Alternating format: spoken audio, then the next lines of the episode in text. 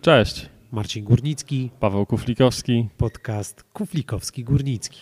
Marzec, trzeci miesiąc, trzecia samotna ucieczka. Przyjął się ten format i na pewno będziemy go kontynuować. Zaczynamy oczywiście od e, Polskiego Związku Kolarskiego. Może to będzie taka nasza tradycja, że pierwszym newsem będzie PZKOL. Zobaczymy. Podsumowujemy też starty Polaków e, na zagranicznych imprezach na początku roku. Zachwycamy się samotną ucieczką Toma Pitcocka na Stradę Biankę. Rozmawiamy o zbliżającym się wielkimi krokami Cape Epic Zaglądamy do gravelowego kalendarza, który pęka w szwach. i rozmawiamy sporo o nowinkach sprzętowych. Zapraszamy. Zapraszamy.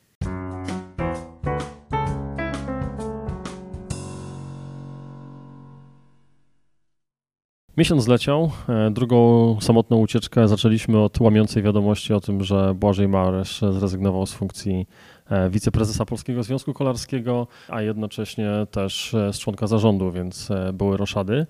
Dzisiaj na otwarcie mamy dobrą informację z Polskiego Związku Kolarskiego, czyli powołanie Marty Turoboś na funkcję selekcjonera kadry juniorów młodszych i juniorek młodszych. Tak, no też w poprzednich naszych wejściach i w rozmowie z Błażejem Mareszem e, mówiliśmy o tym, że Maciek Jeziorski zrezygnował te, z tej funkcji. No i mamy właśnie od kilku dni informację taką, że Marta Turoboś e, zastąpiła go na tym stanowisku. E, Z tego, co przynajmniej ja tutaj wiem z, z kuluarów, e, to nie jest tak, że Marta była jedynym kandydatem. Było czterech kandydatów. Oprócz Marty e, swoje kandydatury zgłosili Ola Dawidowicz, e, Bogdan Czarnota i Wojtek Halejak. Natomiast tutaj ta propozycja, oferta Marty e, i pewnie doświadczenie z pracy w młodzieżą zostały, Zaważyły. zaważyły dokładnie, została wybrana. Czekamy na pierwsze tak naprawdę informacje i też w sumie tak naprawdę może już za chwilę się czegoś dowiemy, bo jutro, czyli tak naprawdę w momencie, kiedy publikujemy nasz odcinek, Polski Związek Kolarski zapowiedział pierwszą, chyba historyczną konferencję prasową dla mediów. E, Wybierasz się? E, Zdalną, więc e, nie ma wymówek. E, Nie ma wymówek, że trzeba dojechać, że nie ma czasu. Także już mam potwierdzone zaproszenie, mam linka do Teamsów. Zobaczymy, co to przyniesie, bo to jest takie trochę no, nowe otwarcie. Będzie prezes, będzie dyrektor sportowy. Także można powiedzieć, działacze wychodzą do ludzi, a nie, a nie czekają tylko i wyłącznie na, na momenty chwały i, i spijanie śmietanki sukcesów kolarzy, którzy tak naprawdę walczą w peletonie. Czyli można powiedzieć, że taki trochę powiew świeżości zaczyna być czuć e, właśnie tym wyjściem w kierunku e, mediów, w kierunku kibiców. Powiem ci jutro. Dobra, czekam. Zobaczymy, co to, co to przyniesie, ale, ale od- odbierzmy to jako, jako dobrą, dobrą kartę. Tym bardziej, że to nawet jest tak, że nie tylko pojawiło się zaproszenie na mediach społecznościowych, ale również też miałem kontakt bezpośredni z, od jednego z członków zarządu z prośbą właśnie o zarejestrowanie się. Także z dopiskiem bardzo nam zależy. Także no, widać, że coś tutaj się zmienia. Dajmy, dajmy szansę, zobaczymy. No, oby to było coś długotrwałego, a nie jakiś taki pojedynczy impuls. Trzymamy się dobrych wieści, e, wieści sportowe tym razem z, z peletonu. Z, e, zacznijmy od tego, co było na samym samym końcu, czyli e, od niedzielnego, przepraszam, sobotniego Stradę Biankę. Oglądałeś? Oglądałem, przyznam się, że tak oglądałem, że przysnąłem na kanapie, bo byłem bardzo zmęczony. Widziałem wjazd Pitcocka na metę oczywiście, ale nie widziałem samej bezpośredniej ucieczki, no bo gdzieś ta pozycja głowy e, leżąca na kanapie sprawiła, że oczy mi się przymknęły i odpłynąłem. No to cóż, no, można tylko polecać tym, którzy nie widzieli, żeby zerknąć na ostatnie 50 parę kilometrów samotnej ucieczki, nomen omen, Toma Pitcocka, e, który fantastycznie skasował półtora minutową przewagę ucieczki, która była przed nim, e, a potem jeszcze zafundował sobie szaleńczy zjazd, e, czy w ogóle szaleńcze zjazdy w niektórych sekcjach. Między innymi tutaj można zobaczyć fantastycznie dynamiczny zjazd, wyprzedzanie motocykla na przykład z kamerzystą, więc no, fa- fajny popis umiejętności Pitcocka. No i też bardzo fajnie rozegrana końcówka. Kto nie widział, warto, warto obejrzeć. Również wyścig e, kobiet, szczególnie właśnie ostatnie kilkanaście kilometrów, tam też e, e, dużo się działo. No chłopak jest niesamowity i przytoczę tutaj fragment wywiadu, który opublikowałeś na mtbxc.pl, wywiadu z, z jego trenerem, który powiedział, że no on jest w tym wieku, ma 23 lata, że jeszcze nie ma tej presji na wyniki. Aż ciężko mi jest w to uwierzyć, no bo wiadomo, że bije się o najwyższe laury, e, nie tylko przecież w kolarstwie przełajowym, jest to też oczywiście kolarstwo górskie, szosa i wydaje mi się, że ciężko nie czuć i ciężko nie nakładać sobie tej presji, kiedy stajesz na przykład e, na linii wyścigu na Igrzyskach Olimpijskich oczywiście, no może być ten luz, bo zdajesz sobie sprawę z tego, że jesteś na odległej pozycji, ale wiesz, że obok ciebie e, chociażby doskonale znany rywal jak Matthew Van Der Poel czy Nino Schurter, więc wydaje mi się, że to jest trochę taka kokieteria e, ze strony trenera mm, Brytyjczyka. No trudno powiedzieć, e, a warto podkreślić, że przecież Pitcock na koncie ma już tęczową koszulkę w przełajach, ma złoty medal Igrzysk Olimpijskich w, cross country, a tegorocznym jego celem największym sportowym tak naprawdę jest, e, są Mistrzostwa Świata w kolarstwie górskim, w cross country. Ta szosa jeszcze nie, jak to właśnie podkreśla trener Kurt Bogarts, jeszcze jest czas. No jeszcze jest czas, bo jest to młody, tak jak powiedziałem, 23-letni zawodnik, ale niezwykle utytułowany, niezwykle ambitny i to, co powiedziałeś chwilę wcześniej o tym zjeździe e, z tymi 65 zakrętami, czy chociażby ostatnio e, w jeździe na czas, gdzie, gdzie wykonał Wallride'a, e, no ta jazda jego jest, no jest czymś naprawdę pysznym. Wróćmy do naszych reprezentantów, wróćmy do, do kolarstwa górskiego, cross country. E, w lutym się sporo działo, e, było sporo wyścigów, były i etapówki, wystartował nam, nam można powiedzieć, na mocno e, sezon cross country. Mieliśmy wyścigi w Banioles, w Helwie, w, w hiszpańskich miejscowościach, mieliśmy wyścigi w Grecji. No cóż, tutaj można powiedzieć, że nikt już nie próżnuje. Bardzo mocne nazwiska, bardzo mocna obsada wyścigów. Ja tutaj bardzo chciałbym podkreślić e, drugie miejsce Łukasz, e, Krzysztofa Łukasika Mediterranean Epic, e, w etapówce, która poprzedziła jego starty w, w cross country, które potem poprawił z kolei dobrymi wynikami w, w Grecji. Piąte miejsce na wyścigu HC oraz dwa dziewiąte miejsca na C1, które tam trochę nie zagrały z wyniku różnych e, defektów. To są naprawdę bardzo, bardzo fajne wyniki. E, równolegle Matylda Szczecińska cały czas startuje w Hiszpanii. MMR Factory Racing Team to to nowe barwy Matyldy Szczecińskiej. Tutaj e, wielokrotnie melduje się czy to na podium, czy też w jego okolicach, jeśli chodzi o wyścigi. Mm, bardzo fajnie zbiera punkty. No, można powiedzieć, że Matylda bardzo szybko się zaaklimatyzowała do tamtego klimatu i odnalazła doskonale swoje miejsce w, w barwach hiszpańskiej ekipy. Też trzeba przyznać, że tutaj e, Kornel Osicki myślę, że dość starannie dobiera też kalendarz e, startowy zawodniczek. Wszystkie zawodniczki w MMR są zawodniczkami U23, czyli orliczkami. E, I tutaj tak odpowiednio dobrany kalendarz powoduje to, że, że każda z nich bez problemu też właśnie wysoko punktuje w wyścigach. Wybiera też wyścigi, w których kategoria U23 jest dodatkowo punktowana, a nie jest tylko liczona Open, więc znowu kolejna, kolejna korzyść. Także teraz zdobyte punkty zaprocentują lepszymi pozycjami startowymi w, później w sezonie. Także no, myślę, że nie ma tutaj e, powodów do tego, żeby, e, żeby się martwić. E, jest dobrze, myślę, że będzie, będzie jeszcze lepiej. Kampania grecka, samozwańcza reprezentacja Polski, jak to Michał Topór powiedział. Czwórka naszych reprezentantów w Grecji startowała. Michał Topór, dwóch zawodników JBG2, czyli Krzysztof Łukasz, Karol Staszewski i Klaudia Czapuk z Warszawskiego Klubu Kolarskiego. E, zakończyli swoją, można powiedzieć, kampanię grecką, ta trójka, bo Michał Topór jeszcze zostaje do, na kolejne starty. I ta trójka wspomniana przez Ciebie, poza Michałem Toporem, gościła u nas w podcaście, więc e, gorąco Was zapraszamy do wysłuchania tych rozmów, jeśli jeszcze nie mieliście okazji. No i oczywiście, Michał, czekamy na Ciebie. Wspomniałem oczywiście tutaj o e, wynikach już Krzyśka Łukasika, też wyniki Klaudii Czabek, bo to były też jej pierwsze starty, w, e, jeśli chodzi o cross country w tym sezonie.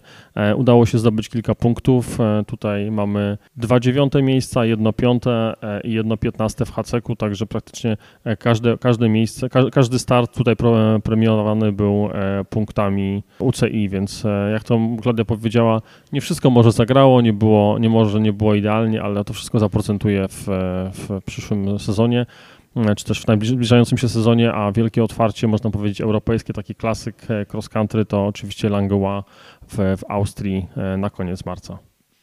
No to już za chwilę tak naprawdę. Tak, zgadza się. Za chwilę również e, Cape Epic. Tak, i tutaj należy się delikatne sprostowanie, Ale to sprostowanie wynika z tego, że wcześniej nie były wszystkie nazwiska opublikowane na liście startowej.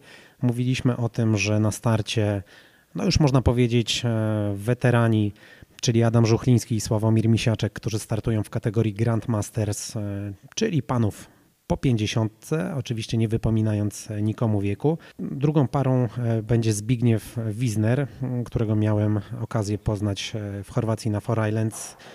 Bardzo doświadczony i bardzo mocny zawodnik. Mm, on pojedzie z Sebastianem Niklewiczem, to jest również kategoria Grandmasters. I warto też podkreślić, że e, Sebastian jest e, bodajże członkiem zarządu firmy Escom, nowego sponsora tytularnego Warszawskiego Klubu Kolarskiego, więc tutaj oczywiście nie ma przypadku. Nie ma przypadku, tak. E, no i trzecia, trzecia para to Mastersi czyli kategoria dla panów po 40. Mamy tutaj Wojciecha Odzimka i Michała Bogdziewicza, który również gościł w naszym podcaście, czyli wśród tych sześciu zawodników mamy dwóch debiutantów, dwóch zawodników, którzy nie ukończyli Cape Epic e, i dwóch e, finisherów. E, pozostajemy w temacie Cape Epic. Z takich zagranicznych informacji Vincenzo Nibali, czyli włoski kolarz szosowy, ostatnio Astana Kazachstan Team, wystartuje w Cape Epic, aczkolwiek tutaj też jest taki, wydaje mi się, trochę znak zapytania, bo nie ma go jeszcze na liście startowej, mimo że ta informacja została już oficjalnie ogłoszona. Jego partnerem ma być e, również były zawodowy kolarz Iwan Santaromita, ale obaj panowie ostatnio ścigali się w Andaluzja Bike Race, e, no i Santaromita e, musiał się wycofać z rywalizacji, ponieważ uległ tam upadkowi. No i właśnie nigdzie nie znalazłem informacji, jak poważny był to upadek. Podejrzewam, że jednak był poważny, skoro wycofał się z rywalizacji. I mam też jakieś podejrzenia, że może właśnie wyeliminuje to udział e, Nibaliego w, w Cape Epic. No zobaczymy, natomiast też warto podkreślić, że Nibali, mimo że już poza klasyfikacją e, ukończył całe, e, całą Andaluzję, to jest naprawdę ciężki sześciodniowy wyścig, E, kończył go wysoko, bo wydaje mi się, że w top 20, jeśli chodzi o czasy, a jednak jechał indywidualnie, prawda? Jedna, tak. jedna jazda w parze to jest coś innego. Jest wsparcie, jest tutaj jakiś taki mentalny, mentalny support między, między zawodnikami. Tutaj musiał sam się zaginać, aczkolwiek no jadąc bardzo wysoko też pewnie łatwo było mu mieć kontakt wzrokowy z, z innymi grupami, które, które były na trasie. Tak, także wyścig zaczyna się 19 marca. E, wtedy się przekonamy, czy faktycznie E, Włoch wystartuje. Pozostając w temacie szosy, e, informacja z ostatnich godzin, pewnie Niki Terpstra, holenderski szosowiec i torowiec, dwukrotny mistrz świata w jeździe drużynowej na czas. Również zadebiutuje w tym wyścigu, to też jest głośne nazwisko. Wystartuje z rodakiem Gosse van der merem. E, tych takich dużych nazwisk, dużych medialnych nazwisk e, nie brakuje w tym roku na Cape Epic. E, kolejną parą z kolei jest Lachlan Morton i Keegan Swinson. Lachlan Morton co prawda już tutaj już wielokrotnie chyba startował, jeśli się nie mylę, na Cape Epic, czy raz tylko? Raz startował, ale warto jest tutaj podkreślić, że jest to zawodnik głównie znany z tego, że wystartował w Dynia CX organizowanym przez Syrenka CX. A to oczywiście, jak najbardziej. E, Lachlan Morton, e, wolny strzelec e, Education First. Mm, tutaj po raz pierwszy tak naprawdę startuje z ambicjami sportowymi. Do tej pory to było bardziej w kategoriach przygody, wyzwania. Natomiast jadąc w parze z Keeganem Swensonem, aktualnym mistrzem Stanów Zjednoczonych w cross country, no tutaj będzie spore wyzwanie dla niego na pewno. E, sam jeszcze podkreśla, że nigdy do tej pory nie jechał w parze z tak mocnym zawodnikiem i naprawdę będzie się musiał tutaj mocno zbierać, żeby, żeby dotrzymać koła. Tylko, że to jest też właśnie para, której jeszcze nie ma oficjalnie e, na listach startowych Cape Epic, więc... Ale Pudelek MTB wszystko wie. Okej. Okay. Cape Epic opublikowało również no, taką wskazówkę dla kibiców, kogo śledzić, kogo obserwować E, dzisiaj mamy Dzień Kobiet, więc e, zaczniemy od kobiet. Przy okazji wszystkiego najlepszego drogim słuchaczkom.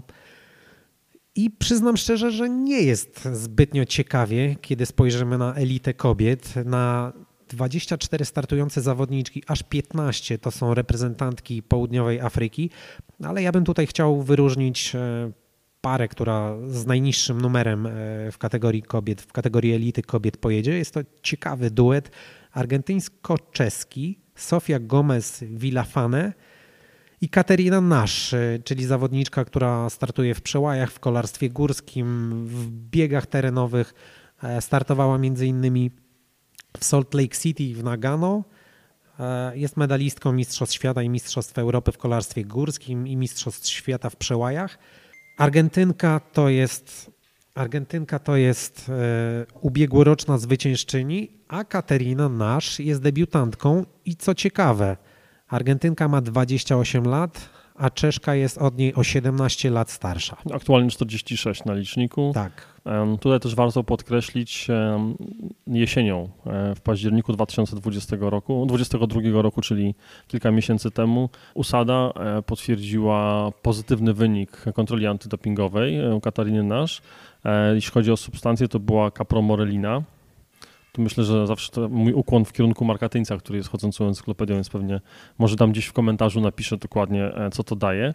Mm, w każdym razie e, był pozytywny wynik, no i nagle mam informację o tym, że została oczyszczona e, z zarzutów, także z czystą kartą może spokojnie stawać na starcie Cape Epic. Czyli możemy tej pani kibicować, twoim zdaniem? Tak samo jak możemy kibicować Matiasowi Frukigerowi, który też został oczyszczony z zarzutów dopingowych i już też zaliczył swój pierwszy tak. start e, w, Banioles, e, meldując się bodajże na szóstym miejscu, więc bardzo wysoko.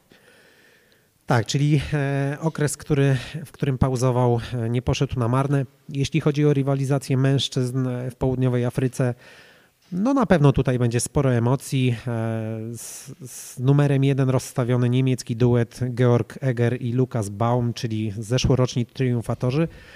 Za nimi e, duet niemiecko-czeski, czyli Andreas Sefeld i Martin Stoszk.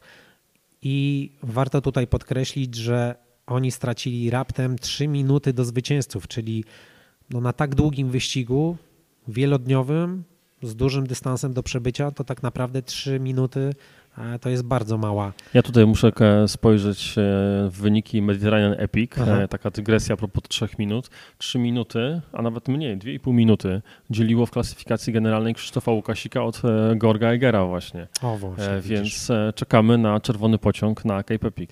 Tak, no tak jak z Krzyśkiem rozmawialiśmy, on gdzieś tam myśli o tym, marzy o tym, więc miejmy nadzieję, że na przykład za rok zobaczymy. No i oczywiście kolejna para Nino Schurter i Andrii Frischknecht, który teraz był na salami na Bike Race. E, mamy też Dawida Valero Serrano i Pablo Rodrigueza Guedę. Ten drugi to debiutant, także na pewno będzie się działo. Przy okazji e, Andalucja e, Bike Race, przy okazji wypadu tutaj do Grecji, tej kampanii greckiej, E, Michał Paluta i Karol Staszewski wzięli się na poważnie za vlogowanie, więc, więc jeśli e, lubicie oglądać dużo rzeczy na YouTubie, macie na to e, czas, no to chłopaki zapraszają na dużo bardziej obszerne materiały. I w sumie nawet Michał Topór ostatnio, można powiedzieć, dorzucił do swojego katalogu na YouTubie też pierwszego takiego bardziej luźnego vloga właśnie też z Grecji. Tak, jak macie ponad 30 minut, to warto na pewno zobaczyć, no bo taki wyścig e, zawsze inaczej wygląda oczami zawodnika niż e, będąc tam po drugiej stronie taśmy i patrząc e, jako kibic. Nie trzeba też oglądać, można sobie włączyć w tle, podsłuchiwać, a w najciekawszych momentach ewentualnie wrócić do, do obrazu. Mm, mamy ściganie zimowe w, w ciepłych krajach, mamy też ściganie zimowe w, w Polsce. Zaczęły, zaczął się sezon na zimowe wyzwania rowerowe, zawody rowerowe albo maratony MTB, o czym ostatnio było e, trochę głośno. E, była, był zimowy, e, zimowe wyzwanie, zimowy challenge Pomerania, e, była Mazowia, był Poland Bike. Tutaj no, zima dopisała, bo śnieg był, więc coś tam się, coś tam się powoli sezon też w kraju rozkręca. Tak, no nie wszyscy są skorzy do ścigania się na Zwifcie, pewnie potrzebują przejechać się, potrzebują tej prawdziwej rywalizacji, dlatego decydują się na takie starty. No najciężej to chyba było na Pomeranii, bo tam spadł śnieg. było świeży, naprawdę biało. Tak, trasa nie była ubita i już nie pamiętam, ale no, tam trochę zajęło zwycięzcy, żeby przejechać. Znaczy ja pamiętam te, te, ze świeżej dyskusji właśnie, że średnia prędkość zwycięzcy na Pomeranii była 17 na godzinę, e, kiedy jednocześnie Michał Glanc na Poland Bike'ów tutaj w, w Otwocku wykręcił chyba 30 czy 31 średnią, a potem jeszcze jak podejrzałem sobie na strawę e, Michała, to okazało się, że zrobił dwa kółka w ramach wyścigu, w ramach zawodów, a potem jeszcze jedno przejechał sobie, więc widać, że musiał zrealizować trening, musiała być konkretna objętość. Tak, pewnie pojechał jeszcze raz, żeby gdzieś tam koma jakiegoś dodatkowego upolować. To ja też zerknę na strawę Michała, zobaczę, czy tam pucharek się pojawił. E, jeśli chodzi o poważne e, ściganie, o cross country w, w, Polsce, e, na koniec marca, 23 marca mamy, jeśli dobrze pamiętam, Puchar Mazowsza, tutaj w Warszawie Wesołej, a miesiąc później, 23 kwietnia, Puchar Polski już zainaugurowany zostanie w Białymstoku. To 23, 25 marca. A, 25, no tak, tak, bo to tak. jest tak. 25 marca Puchar Mazowsza, 23 kwietnia Puchar Polski. Skoro jesteśmy przy kalendarzu, to taka e, można powiedzieć suplement, bo jednak tu mocno jesteśmy w temacie Królestwa Górskiego, teraz troszkę o gravelach. E, świeżo zaktualizowałem na gravelowe kalendarz imprez gravelowych e, na ten sezon. No i powiem szczerze, zaskoczyło mnie to, bo byłem przekonany, że kiedy w zeszłym roku było tych imprez 60 kilka, no to myślałem, że w obliczu no, kryzysu, pewnego zmęczenia, pewnej wtórności niektórych e, projektów, tego będzie mniej. A tu się okazuje, że za chwilę lista będzie obejmowała prawie 80 imprez, także prawie 20 imprez więcej rok do roku. E, no jak przeglądam e, listy startowe, no bo te zapisy w tej specyfice imprez e, odbywają się z dużym wyprzedzeniem, no to nie jest zbyt kolorowo, więc, więc pytanie, czy te wszystkie imprezy dojdą do skutku. Ty Marcin w zeszłym roku zaliczyłeś Vanogę, dwa lata wcześniej zaliczyłeś Great Lakes Gravel. Masz jakieś gravelowe plany na ten sezon przed tobą? No jeszcze zapomniałeś o, o Sudowi. No i, i Rift roku. jeszcze oczywiście. I Rift. Czyli czekaj, to było tak, Great Lakes Gravel 2021, 2022 Sudowia, Vanoga, Rift. Tak. 2023, no wychodzi, że powinno być tego jeszcze więcej. Nie wiem, zobaczymy. Tak naprawdę dużo się kotłuje w mojej głowie. Liczę, że jeden zagraniczny start e, dojdzie do skutku. No w sumie to mm, chyba już nie muszę być taki tajemniczy, bo gdzieś w internecie padły te słowa. E, nawet nie wiem, czy u nas w podcaście nie padły, że bardzo chciałbym na Andora Epic e, wystartować, ale też się zastanawiam. Gdzieś ułożyłem sobie jakiś wstępny kalendarz, aczkolwiek bardziej podporządkowany imprezom MTB. Kilka dni temu zacząłem się zastanawiać, czy nie zrobić tak, żeby był ten start e, zagraniczny, a reszta trochę w takim bardziej trybie rozkoszowania się jazdą, czyli coś takiego, E, czego doświadczyłem w zeszłym roku, przez co miałem też okazję wiele razy wyjeżdżać na super trasy, na super single w góry. Zresztą razem byliśmy chociażby w Trójmiejskim Parku Krajobrazowym i jeździliśmy po tamtejszych trasach. Czyli co, coraz mniej kusi cię przypinanie numeru do kierownicy? E, wydaje mi się, że jest to trochę spowodowane tym, że ostatnio gdzieś jakieś przeziębienie mnie dopadło, trochę mniej czasu było na trening, więc wydaje mi się, że ta ta dyspozycja jest e, mocno w lesie. I chyba nie chciałbym rywalizować e, w takim stanie, ale ja mam, zobaczymy. Mam dla Ciebie pomysł na drugą część sezonu. Właśnie tak spojrzałem tutaj na tą przygotowaną przez, przez nas wspólną, wspólnie listę tematów. E, wracasz z Andory, jedziesz do Świeradowa na UCI Gravel Series, kwalifikujesz się na Mistrzostwa Europy i Świata i na koniec października najpierw Flandria, potem Włochy. Dobrze. Przyklepane. Dziękuję, tak jest, jest jakiś pomysł na to. No, no tak. właśnie, nie, ale tak już e, teraz, żeby to wybrzmiało. W zeszłym roku mieliśmy debiut e, Mistrzostw Polski, Mistrzostw Świata w, w gravelach. E, teraz Europejska Unia Kolarska parę dni temu potwierdziła, że będą również Mistrzostwa Europy. I właśnie we Flandrii, więc w odstępie tygodnia będzie można zdobyć dwa tytuły. Mistrza, mistrza Europy i Mistrza Świata pod koniec, na przełomie września i października. No to ja już szykuję miejsce na ścianie, żeby tam e, koszulki zawisły. Mamy to nagrane. Ale jak jesteśmy w temacie imprez gravelowych, to ja tutaj ciebie spytam jako organizatora Great Lakes Gravel, Sudowi i Warmi e, Gravel, która w tym roku pojawiła się w kalendarzu. I, która, I jest już wyprzedana. Tak, i która w lipcu e, zadebiutuje. Wiemy, ile imprez nowych dojdzie, bo to łatwo było policzyć z tego, co powiedziałeś. Co trzeba zrobić, żeby organizując imprezę, ta impreza nie skończyła swojego żywota w danym roku, tylko żeby jednak była kontynuacja w następnym i w kolejnych latach. Wiesz co, to jest tak, że jak my robiliśmy razem z Filipem e, w 2020 roku pierwszą edycję Glatrix Gravel, no to była taka pustynia, bo to był rok covidowy, wiele rzeczy się wysypało Więc nam wtedy bardzo łatwo przyszło przebić się informacyjnie z, Mhm. z organizowaną imprezą. Rok później, na fali tego, co my zrobiliśmy wtedy we dwóch, e, wielu uczestników, mówiąc tak bardzo wprost, e, stwierdziło, ej, to nie jest takie trudne, też zrobimy imprezę. Ten sam tracking, inny rejon Polski, e, jakaś tam komunikacja wokół tego.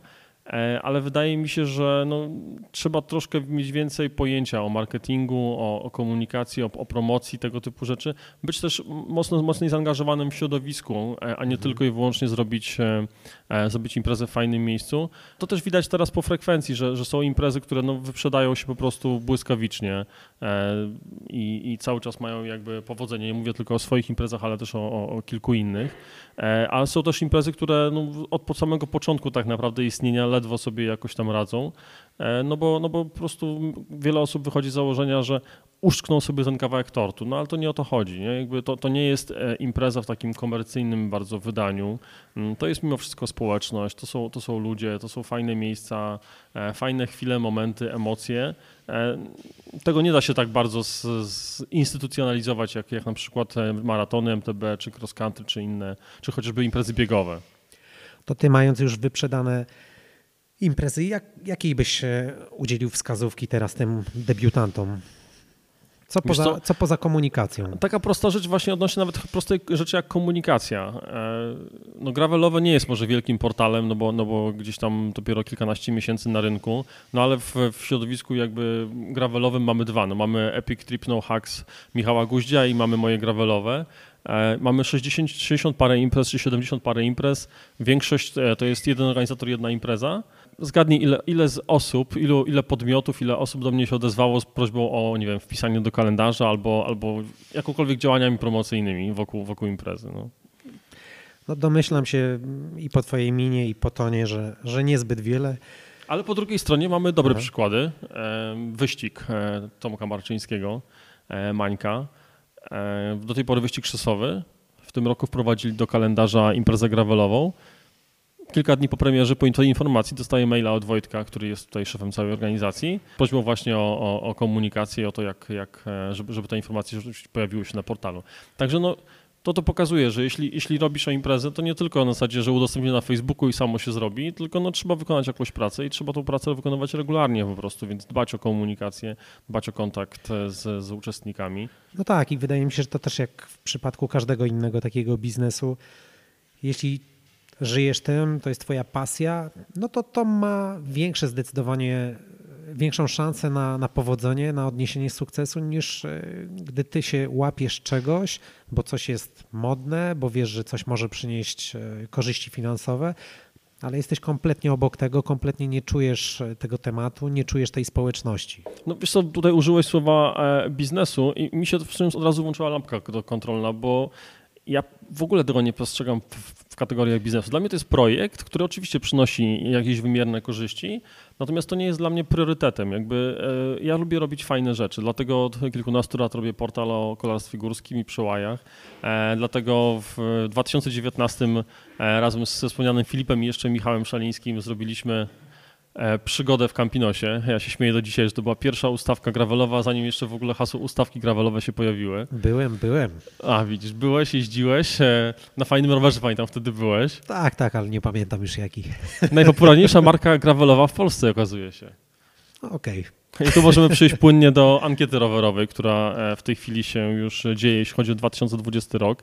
E, Ja z dużym opóźnieniem e, publikuję w tej chwili wyniki za 2021 i tutaj warto też wybrzmieć, żeby wybrzmiało, że jeśli chodzi o gravele, bo tam też ten wątek gravelowy się mocno w tej ankiecie przewija, trzy najpopularniejsze marki gravelowe, rowerów gravelowych w Polsce, to są polskie marki.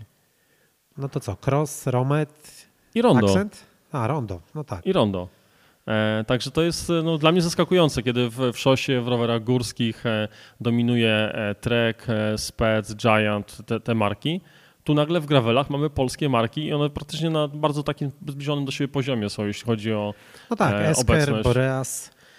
Tak. To widać, widać e, chociażby na ulicach Warszawy, że sporo e, osób jeździ na tych modelach. Także jeśli, e, jeśli słuchacie nas tutaj, drodzy gravelowcy, i chcecie się pochwalić swoim sprzętem, www.ankieta-rowerowa.pl Zapraszam do wypełnienia ankiety. Co roku jest parę tysięcy osób, które tę ankietę wypełniają, także na pewno wyniki są ciekawe i, i też dają chyba no, jedyny w, no, w kraju tak szeroki ogląd e, branży rowerowej. Spis powszechny. To jeszcze Paweł powiedz, e, do kiedy ankieta jest e, dostępna do Do wypełnienia? 27 marca można ankietę wypełniać, więc jeszcze e, dwa tygodnie na spokojnie. Czyli, właśnie. dzień, czyli dzień po. E, Ja tu jeszcze powrócę do tego tematu, bo jeśli wśród słuchaczy są osoby, które chciałyby e, w przyszłym roku wystartować w tym e, wyjątkowym wyścigu, no to 27 marca, czyli dzień po zakończeniu wyścigu po wielkim finale o godzinie 15 należy wejść na stronę Cape Epic, e, liczyć na bardzo dużo szczęścia, bo ja pamiętam, e, kiedy ja w 2018 roku starałem się, żeby e, dostać slota na wyścig, e, no to losowanie trwało pół sekundy. Także 27 marca, godzina 15. Zapamiętajcie tą datę, polecam. Z To było partnerem. losowanie, czy to, było, to były zapisy? W sensie, kto szybciej wyklika rejestrację na. Nie, nie, to losowanie, bo nas było dwóch. e, Mojemu partnerowi udało się, mi się nie udało. Okej, bo skojarzyło mi się to z zapisami na uphill na Śnieżkę, gdzie też trwają 2 do 3 sekund. Nie, to jest losowanie. Także pół sekundy i było po, po zabawie. E, Ankieta rowerowa, tutaj no, no, automatycznie przychodzi mi do głowy hasło branża rowerowa. E, Mamy tu wynotowanych kilka, e, kilka tematów. E, Nagrywamy na początku e, marca. E, Będziemy się słyszeć mniej więcej pewnie znowu za miesiąc, a przed nami e, rowerowy Prima Aprilis. Tak, 1 kwietnia e, już niebawem i wtedy trzy wyjątkowe imprezy. Co najmniej trzy na tę chwilę. Co najmniej trzy i niestety no ciężko jest być na wszystkich, ciężko jest być e, w tym samym czasie w tych miejscach. E, tak, zacznijmy od tego największego, można powiedzieć.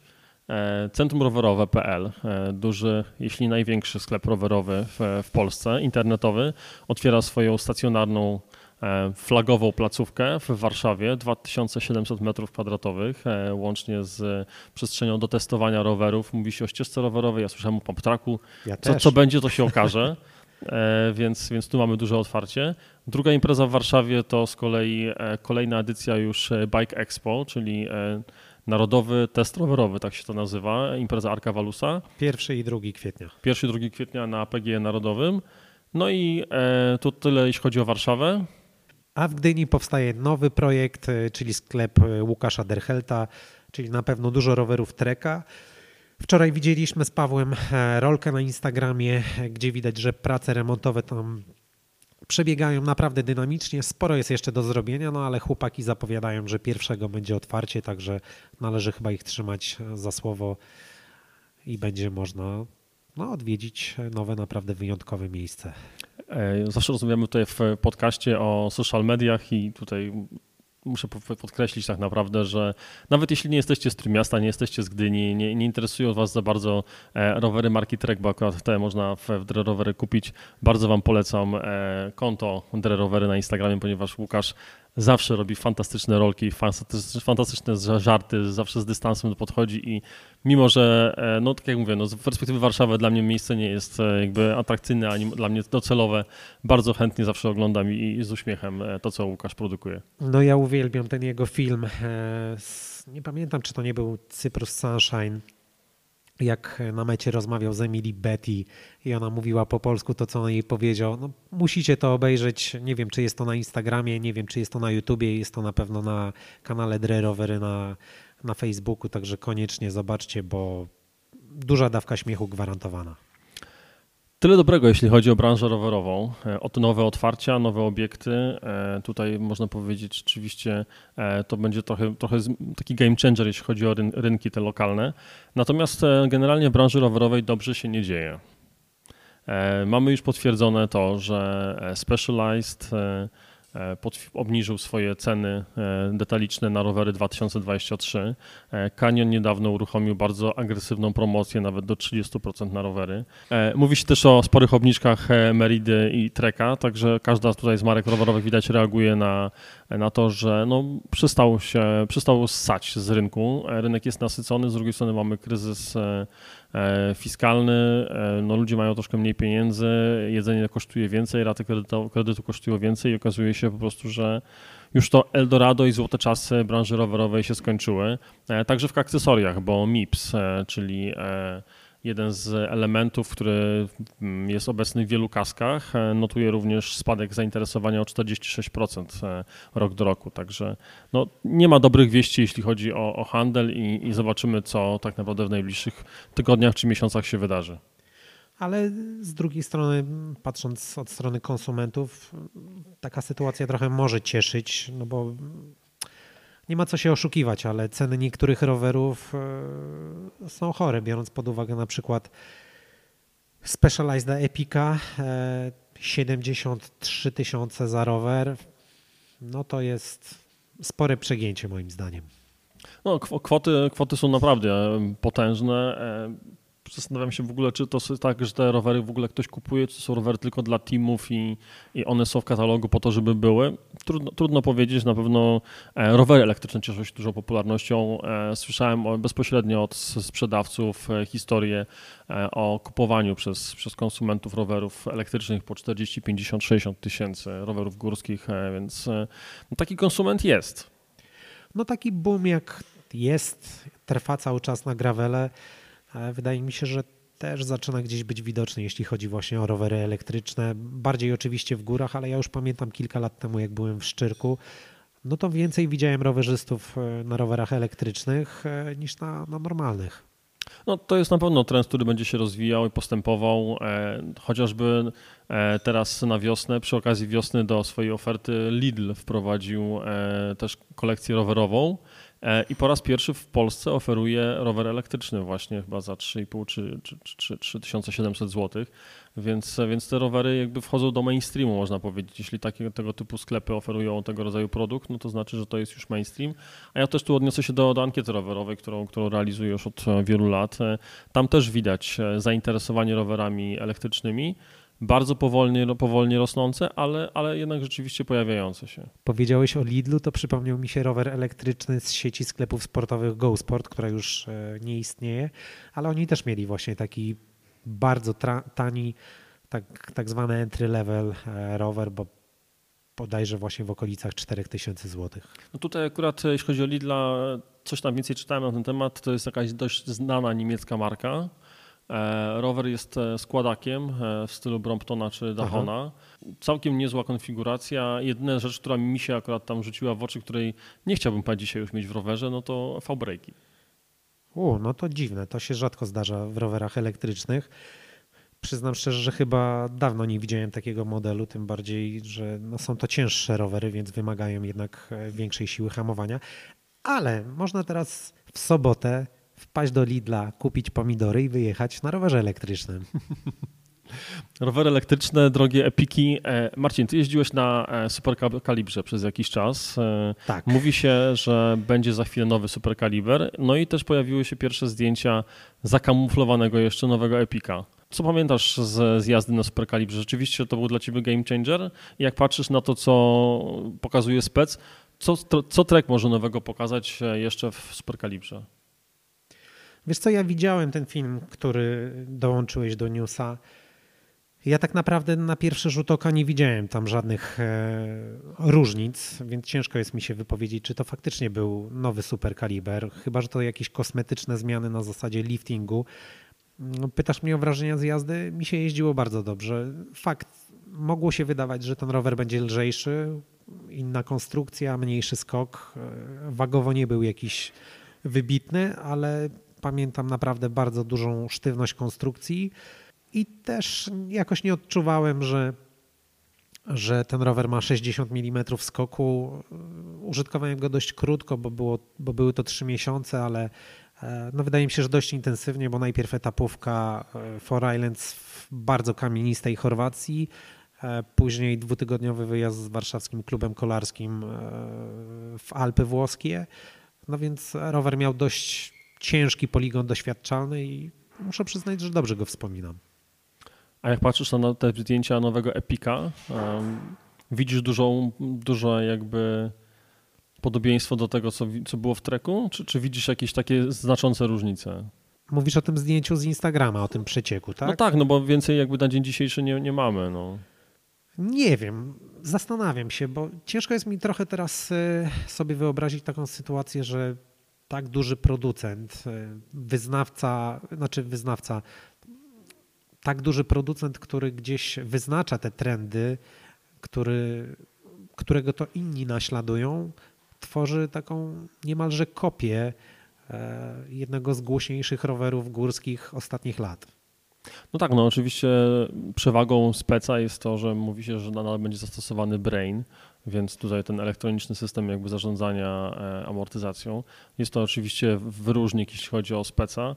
Natomiast tak jak mówisz, no jeśli chodzi o konstrukcję, no jest to, jest to bardzo, bardzo podobne i, i niczym nie wyróżniające się. Nawet e, Trek pozwolił sobie na jakieś żarty w komentarzach po e, speca właśnie w social mediach gdzieś tam właśnie na zasadzie, aha, bardzo fajny autorski projekt. A to nie widziałem, ale to przypomina mi taką grę marketingową trochę jak kiedyś Burger King z McDonaldem i na odwrót. Tak. A propos wyróżniających się konstrukcji, mieliśmy taki kontrolowany, można powiedzieć, przeciek e, polskiej marki, o której już dzisiaj rozmawialiśmy, Rondo, e, na prezentacji dealerskiej w, gdzieś chyba w połowie lutego e, pokazane zostało nowe Rondo Root, które wyróżnia się tym, że jest zbudowane w oparciu o dwa trapezy. Nie ma takiej tradycyjnej rury podsiodłowej od, od siodła do, do, do osi supportu.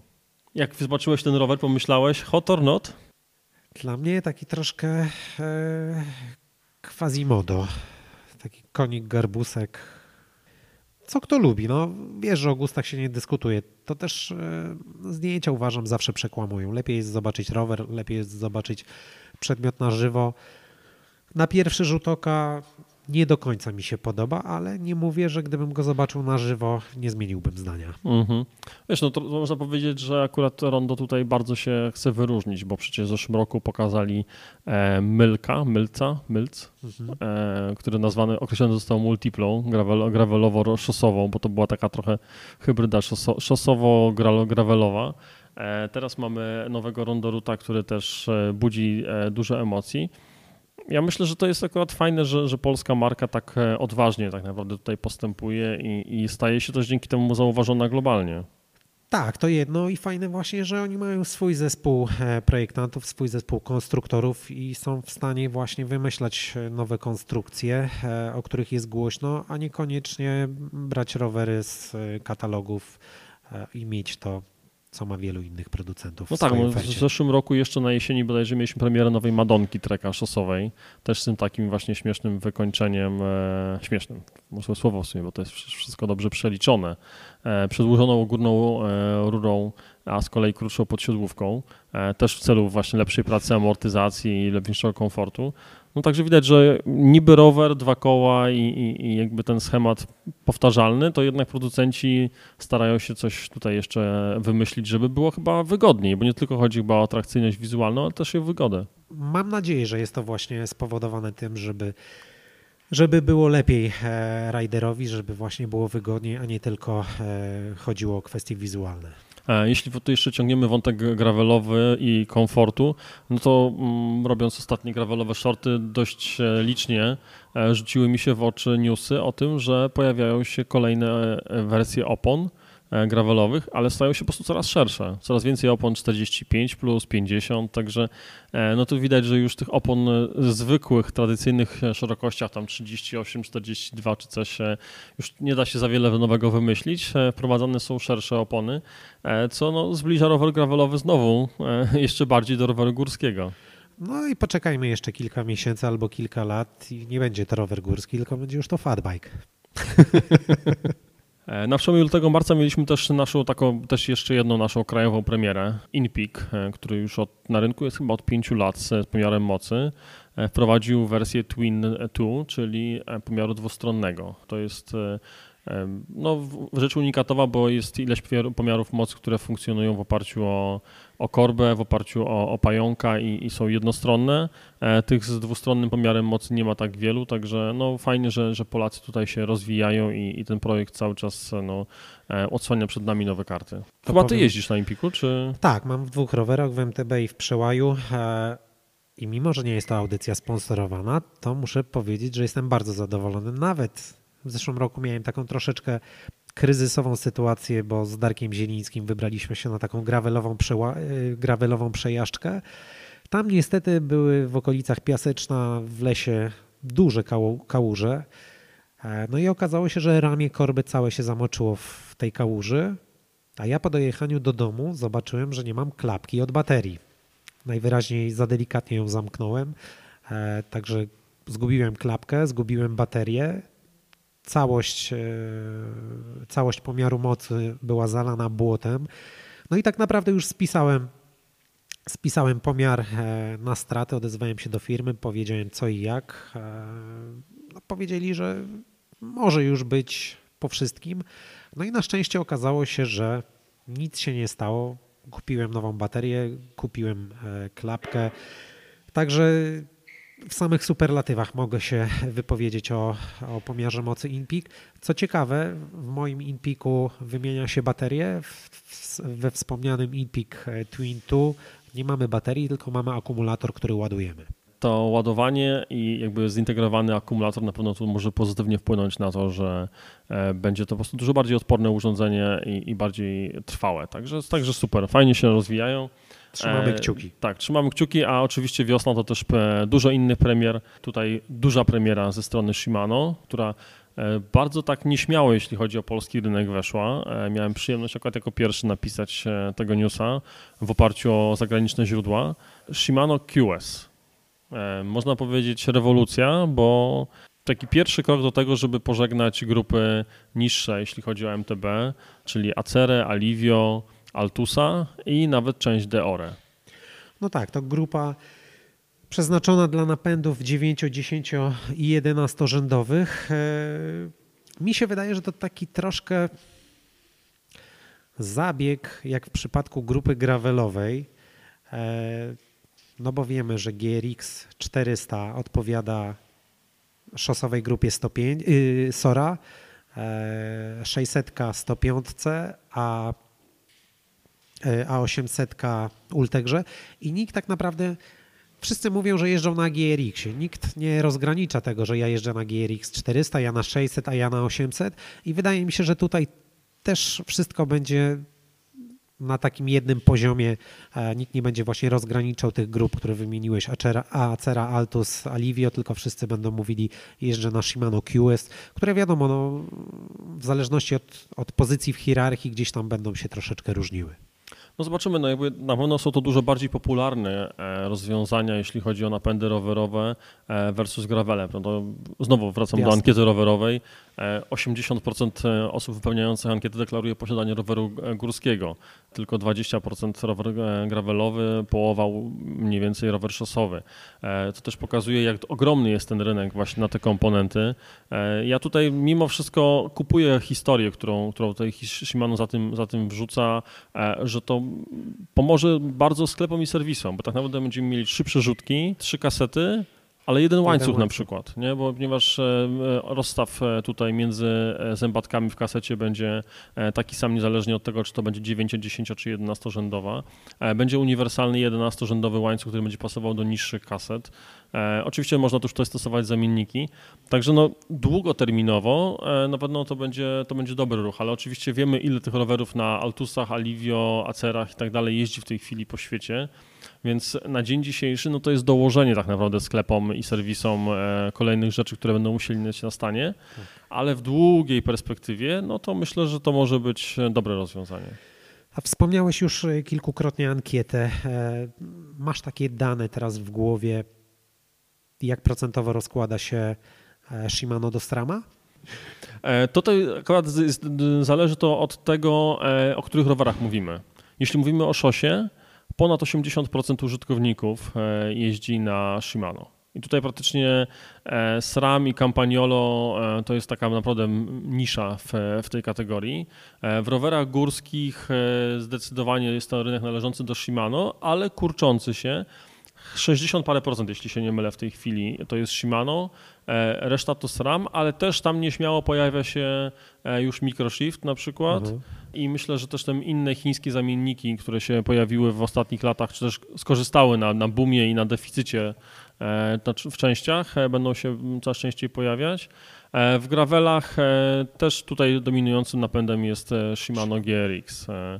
Ale SRAM też, e, jak to się mówi, nie zasypia gruszek w popiele.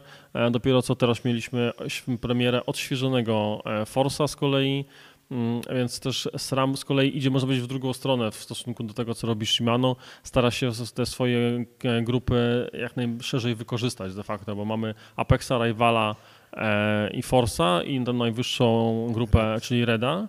E, I tak naprawdę e, w oparciu o te grupy możemy obsłużyć zarówno rowery szosowe, jak i gravelowe. Tam do graveli jeszcze jest ta wersja Explore dostępna jeśli chodzi o, większe zakresy kaset tak naprawdę i przódki to są w stanie te większe kasy, zakresy kaset, kaset obsłużyć. E, no a w MTB no to mamy oczywiście duże spektrum, mamy SX, NX, GX, e, tak. tak naprawdę XX, więc też, ale też to jest jakoś tak w miarę bardziej uporządkowane wydaje mi się niż, niż w Shimano.